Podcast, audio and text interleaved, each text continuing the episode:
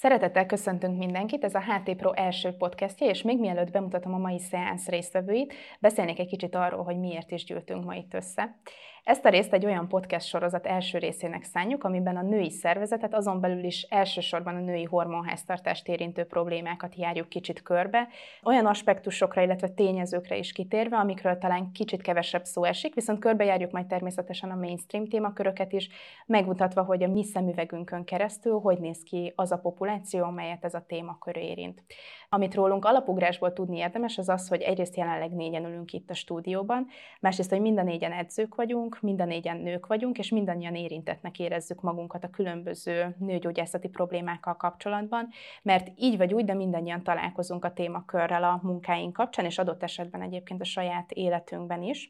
És akkor be is mutatnám a kolléganőimet, Domokos Enikő, egészségfejlesztő és táplálkozási nagykövet, Eizen Dorottya, egészségfejlesztő, táplálkozás kócs és személyi edző, valamint Fábián Magdolna, személyi edző és kozmetikus. Sziasztok, lányok!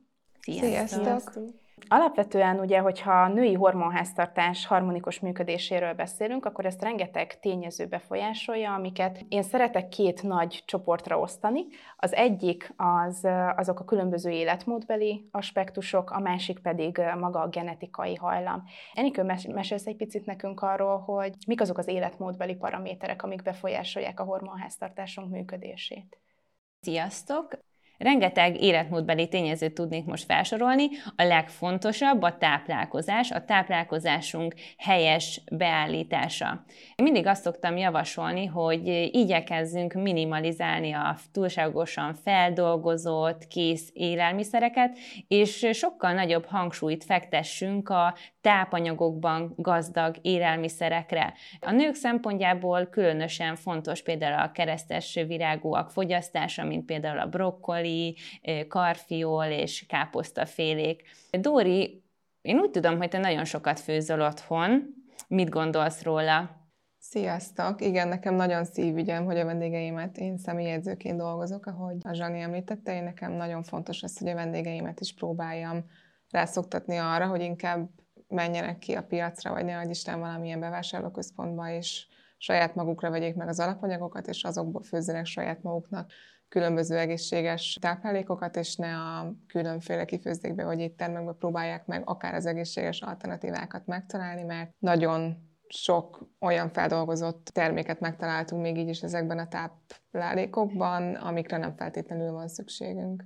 Én meg itt picikét be tudnám hozni a kozmetikai oldalról, betekintést nyerjünk így a táplálkozás és a bőrünk szépsége között.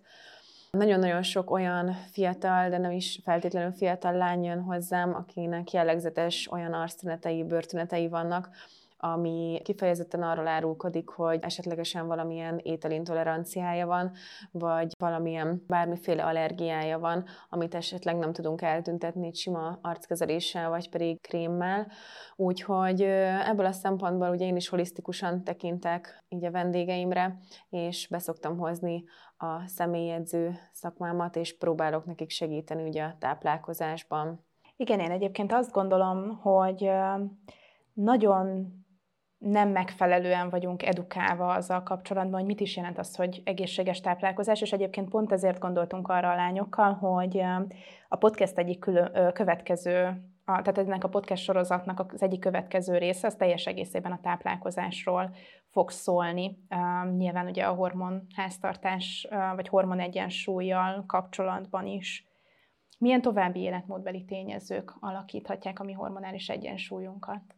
Nagyon fontos a, a stressz menedzsment is, ugye elkerülhetetlen, hogy napi szinten különböző stresszes helyzetekbe kerülünk, és érnek minket ilyen behatások. Magát ugye a stresszt nem tudjuk elkerülni, és nagyon fontos ennek a valójában inkább a, a kezelése, és úgymond menedzselése. De optimális tényező még ebben az, az alvás minősége és mennyisége, a mozgásnak is ugyanúgy a mennyisége, minősége és időzítése. Erről mit gondoltok?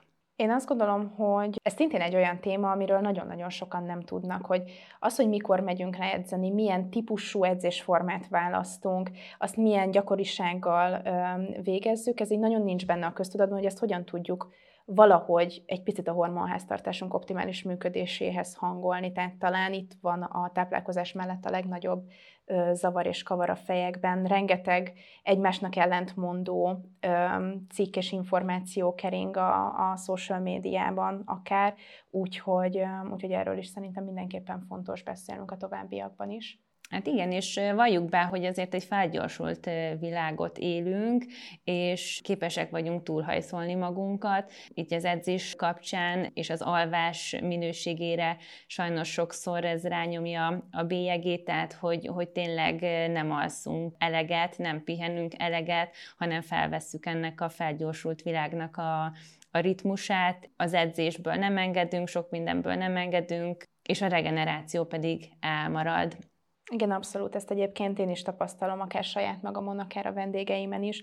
Ami ugye azért probléma, mert a szervezetünk, illetve különösen a hormonháztartásunk alkalmazkodni fog egyébként ahhoz, az életmódhoz, amiben mi belekényszerítjük, akkor is, hogyha ez egyébként neki nem annyira optimális a működését tekintve, és ennek következtében jönnek egyébként létre a különböző hormonális zavarok, mert ilyenkor, ha mondjuk adott egy nő, aki hajt több um, műszakban, tényleg, ahogy mondod is, Enci, nem, um, nem enged akár az edzésekből, mindent bele akar passzírozni abba a 24 órába, és ennek mondjuk a regeneráció, illetve az alvása um, kárára teszi mindezt, akkor előfordulhat, hogy a, a hormonális irányító szervrendszere egész egyszerűen ki fogja venni mondjuk a reproduktív rendszert a működésből, és ez indítja el tulajdonképpen azt a lavinát, aminek a vége aztán valamilyen nőgyógyászati megbetegedés.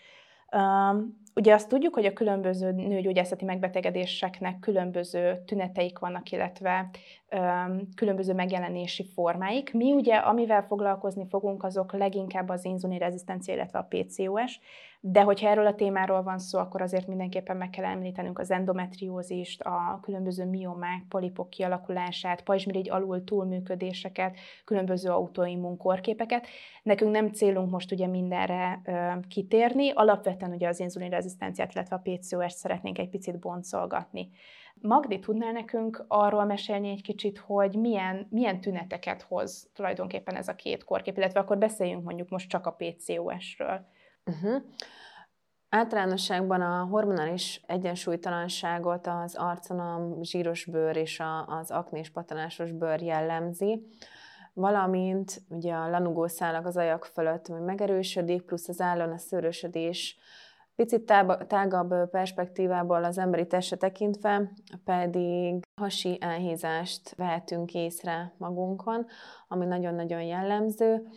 Egy picikét még a PCOS-en túlmutatva pedig hormon egyensúly felborulásnál, például a narancsbőrösödés, vagy pedig lányoknál ugye főként a csípő, farizom tájéken levő zsírfelesleg az, ami jellemző. Ezek azok, amiket én kozmetikusként szoktam kezelni, és ez az, ami nagyon-nagyon észrevehető. Ugye elsősorban, amikor bejön hozzám egy olyan hölgyemény, akin ezt észreveszem, akkor próbálom kikérdezni az életmódjával kapcsolatban, hogy hogyan is étkezik, milyen az életmódja, és akkor ezen felül pedig rávilágítani, vagy esetleg ajánlani neki, hogy lehet, hogy egy nőgyógyászhoz, egy endokrinológushoz lehet, hogy ajánlatos lenne elmenni, mert én meg együtt vele csak tünetileg tudjuk kezelni ezeket a kozmetikai problémákat, szépség uh-huh. problémákat. Igen, ezt szerintem egyébként nagyon fontos elmondani ezzel kapcsolatban, hogy hogy ez egyébként rengeteg és egyre több nőt érint. Tehát, hogy egyáltalán nem egy, egy ritka jelenségről van szó. Gyakorlatilag én egyébként azt gondolom, hogy amennyire felgyorsult világban élünk, amennyire sok szerepben kell tudnunk helytállni nőként, nagyon-nagyon kevés az a nő, aki mondjuk egy tökéletes hormonlabort fel tud mutatni. Dorci, neked milyen a, a kapcsolatod ezzel a témával? Te hogy kerültél kapcsolatba mondjuk ezzel a, ezekkel a nőgyógyászati megbetegedésekkel? Én nagyon egyet tudok a Magdival érteni, hogy nagyon fontos, hogy a, a tüneti problémákat kezeljük, mert én nagyon fiatalon, 15 éves koromban találkoztam, először a, a PCOS-sel és az inzulin rezisztenciával, és szerencsére nekem egy nagyon jó kozmetikusom volt, aki észrevette ezeket a tüneteket, és javasolta, hogy menjek el egy nőgyógyászhoz, valamint menjek el egy endokrinológushoz, és nézzünk meg esetleg egy terheléses cukrot, hogyha ha szükséges, és kiderült. A tipikus problémákat, azokat érzékeltem magamon, Fokozottan szőrösödtem, zsírosodott a bőröm, nagyon pattanásos volt az arcom, nagyon izzadtam, határozottan éreztem azt egy utólag visszagondolva, hogy, hogy sokkal erősebb tesztoszteron termelésem volt, mint kellett volna.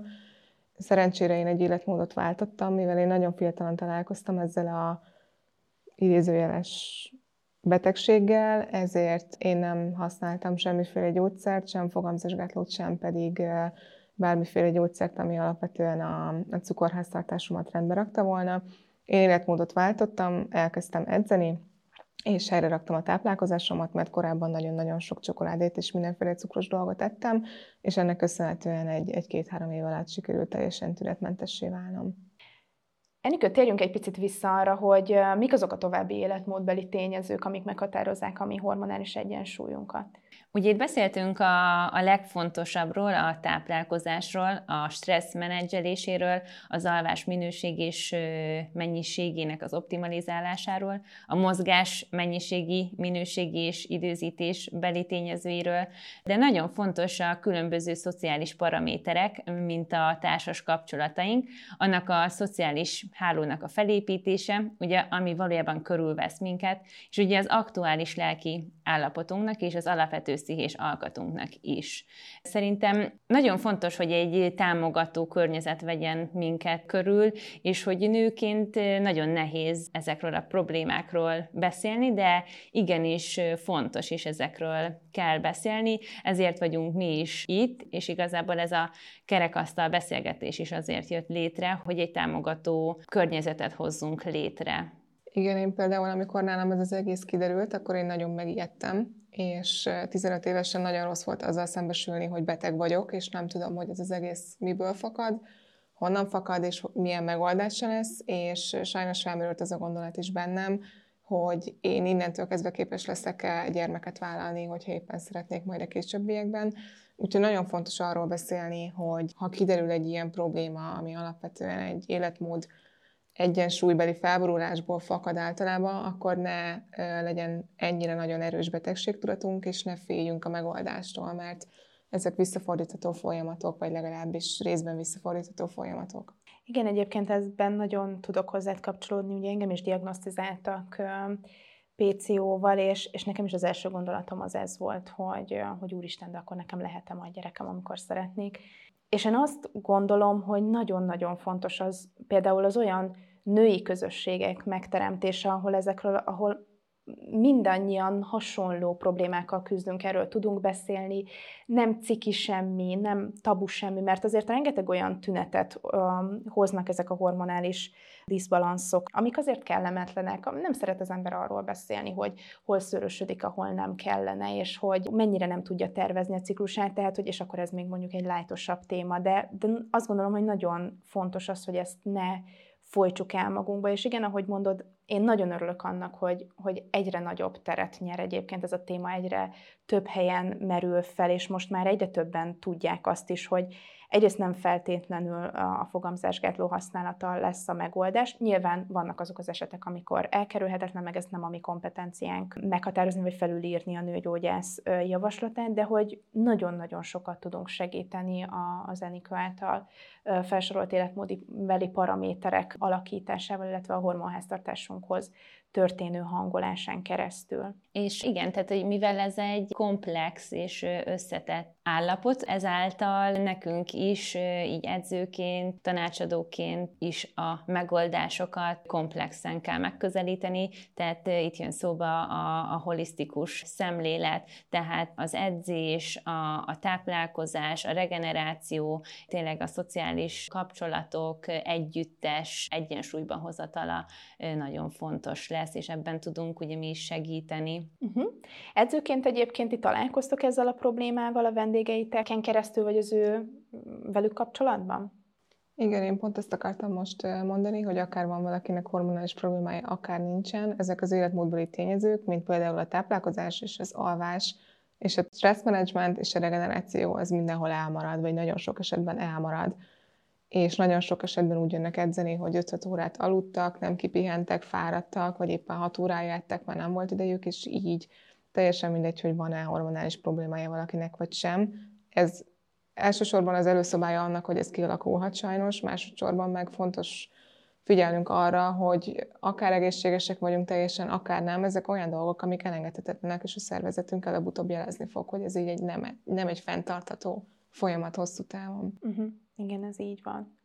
Szerintem nagyon könnyen fel tudjuk borítani ezt, a, ezt az egyensúlyt. Ugye a szervezetünk az úgy van kitalálva, hogy mindig törekszik az optimális működésre, de vele se gondolunk, hogy például egy, egy éjszakai pisiléssel, amikor feloltjuk a lámpát, már azzal mennyire fel tudjuk borítani a, a, a belső biológiai óránkat, de biztos vagyok benne, hogy a, a kozmetikában is vannak olyan tényezők, amivel teljesen fel tudjuk borítani az egyensúlyunkat. Igen, pont e- ezt szerettem volna én is megemlíteni, hogy most ilyen viccesen mondva kicsit segíthetnek is ezek a tünetek abban, hogy felismerjük azt, hogy valamilyen hormonrendszeri egyensúlytalanság van, mert a férfias szőrszálnövekedés, vagy a gyulladpattanások, ezek mind annak jelé, hogy belül probléma van, és nem biztos, hogy az ember ugye nőként feltétlenül érzed azt, hogy kimerültél, és túlhajszalod magad, és már belül olyan problémák vannak, amiknek egyéb tünete van, hanem lehet, hogy hamarabb jönnek ki ezek a külső tünetek az arcon, amik ugye arról árulkodhatnak, hogy valami nincs rendben. Úgyhogy erre is nagyon-nagyon oda kell figyelni, és én is azt gondolom, hogy a holisztikus szemlélet az, ami, amivel a legjobban tudjuk segíteni a vendégeket, és én is amellett, hogy a külső tüneteket próbálom orvosolni, mellette próbálok arra is összpontosítani, hogy segítsem őt az életmódbeli változtatásra adott esetben. Uh-huh. Igen, ez nagyon fontos, amit mondtok, hogy ugye ez nem egy, mi ugye erről most edzőként beszélgetünk, de alapvetően ez nem egy edzői feladatkör, és egyébként azt gondolom, hogy nem is kizárólag egy, egy nőgyógyász kompetencia körbe tartozó történet ennek a kezelése, hanem különböző társszakmáknak az egybehangolt munkája. Tehát itt nőgyógyász, endokrinológus, dietetikus vagy táplálkozással foglalkozó szakember, edző, akár pszichológus bevonása nagyon-nagyon sokat tud segíteni egy-egy, nem csak, tünet, nem csak a tünet, hanem konkrétan a gyökér ok kezelésében, és, és ezeknek a folyamatoknak a visszafordításában. Amikor olyan vendég megy hozzátok, aki konkrétan tudja, hogy neki valamilyen hormonális problémája van, vele hogyan kezdtek el egyébként foglalkozni? Mi az, amin módosítotok, mit, mit vesztek ilyenkor figyelembe? Enikő? Edzőként minden első alkalom egy állapotfelméréssel kezdődik, ahol nem csak az adott vendég fizikai állapotáról kapunk képet, hanem picit bele látunk az életmódbeli szokásaiba is, tehát ugye táplálkozási és illetve életmódbeli kérdéseket is felteszünk az állapotfelmérés kapcsán, ahol ki szoktak derülni, hogyha vannak ilyen jellegű problémák, de ha nem is derül ki itt az első alkalomattán, akkor közös együttműködés során nyilván tapasztalások alapján is kiderülhet. A leggyakoribb tünetek, amikkel találkozok, például ez a fájó menstruáció, nagyon elhúzódó menstruáció, vagy éppen kimaradt ciklus, tehát ezek a legfőbb tünetek, illetve ugye ez a premenstruációs szindróma, ez a PMS, ami fejfájás, hányinger, tehát tényleg teljes rosszul léti tünet, ezek a leggyakoribbak, amiket a vendégek szoktak mondani, és innestől kezdve ugye elindulhat a, a kezelése. Így edzés kapcsán már szerencsére egyre nagyobb teret kap a, a ciklus-szinkron edzés, tehát hogy a, a különböző fázisokban javasolt edzés típusok, hogy mikor hatékonyabb egy súlyzós edzés, mikor javasoltabb inkább egy nyújtás vagy saját testsúlyos edzés, tehát szerencsére ez már egyre inkább kezd napvilágot látni, de edzőként, tanácsadóként itt a táplálkozásnak a helyretétele is a mi feladatkörünk. Lehet például egy táplálkozási napló bekérésével látjuk az ő mindennapi életmódbeli szokásait, aminek kapcsán aztán javaslatokat tehetünk. Uh-huh. Magdi, te hogyan dolgozol együtt az ilyen páciensekkel? Én a kozmetikát tekintve elsősorban kiszoktam alakítani vele egy rutint, ugyanúgy, mint a táplálkozásban, tehát alaposan kikérdezem, hogy milyen termékeket használ, használ egyáltalán valamit az arcbőrére, plusz ezekre a tünetekre, amiket felismertünk, és akkor ennek fényében összehangolunk együtt mi is egy teljes kezelési protokollt, hogy milyen időközönként javasolt hozzám járnia, de azt tudni kell, hogy a 20%-át végezzük mi, tehát így a 80%-át otthon végzi az ember egy, egy bőrápolásnak. Mindemellett pedig mindenféleképpen itt én is bele szoktam menni így a táplálkozás részébe, és akkor kicsit, mint így edzőként viszem tovább ezt a vonalat is, mert nyilván enélkül pedig nem tudunk együtt dolgozni, meg eredményeket elérni. Uh-huh. A lányok, hogyha szeretnénk egy útravalót adni most a hallgatóknak, akkor mi lenne az a, mondjuk csináljunk egy ilyen toplistát belőle, mi lenne az a három dolog, amit mindannyian mondanátok, hogy, hogy tegyenek meg a saját hormonális egészségük érdekében? Enikő?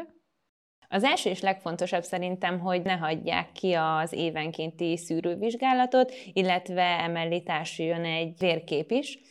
A második szerintem a táplálkozás ban a, a zöldségek, gyümölcsök fontossága, harmadik pedig szerintem a, a stressz menedzselése, hogy hagyjunk időt magunkra, amikor picit tényleg magunkkal tudunk foglalkozni. Én szerintem, ha egy picit megint a kozmetikai oldalról tekintek erre, akkor össze tudnám kapcsolni a szépségápolást a, ezzel a mindfulness, tehát ezzel a stresszkezeléssel, ami ugyanúgy nőként szerintem az az a, akár egy, másfél, két óra havonta egyszer, ami, ami csak a mi időnk, és amikor elmész kozmetikushoz, akkor az tényleg csak rólad szól, és nagyon-nagyon sokat segíthet abban, hogy, hogy akkor így levezest és el tud engedni így a hétköznapi stresszt. Másodszorban, ugye amiről meg nagyon sokat beszéltünk, hogy a, hogy a sportolás, ami szintén akár egy stressz levezető is lehet, de hogy találjuk meg a számunkra megfelelő sportot, ami tölt minket, és amiben jól érezzük magunkat, és fel tudunk töltődni. Én egyelőre ennyit tudnék hozzáfűzni. Dorci? Én is ugyanezeket tudom mondani, ami még szerintem nagyon-nagyon jelentős, az az alvásnak a, a minősége és a mennyisége.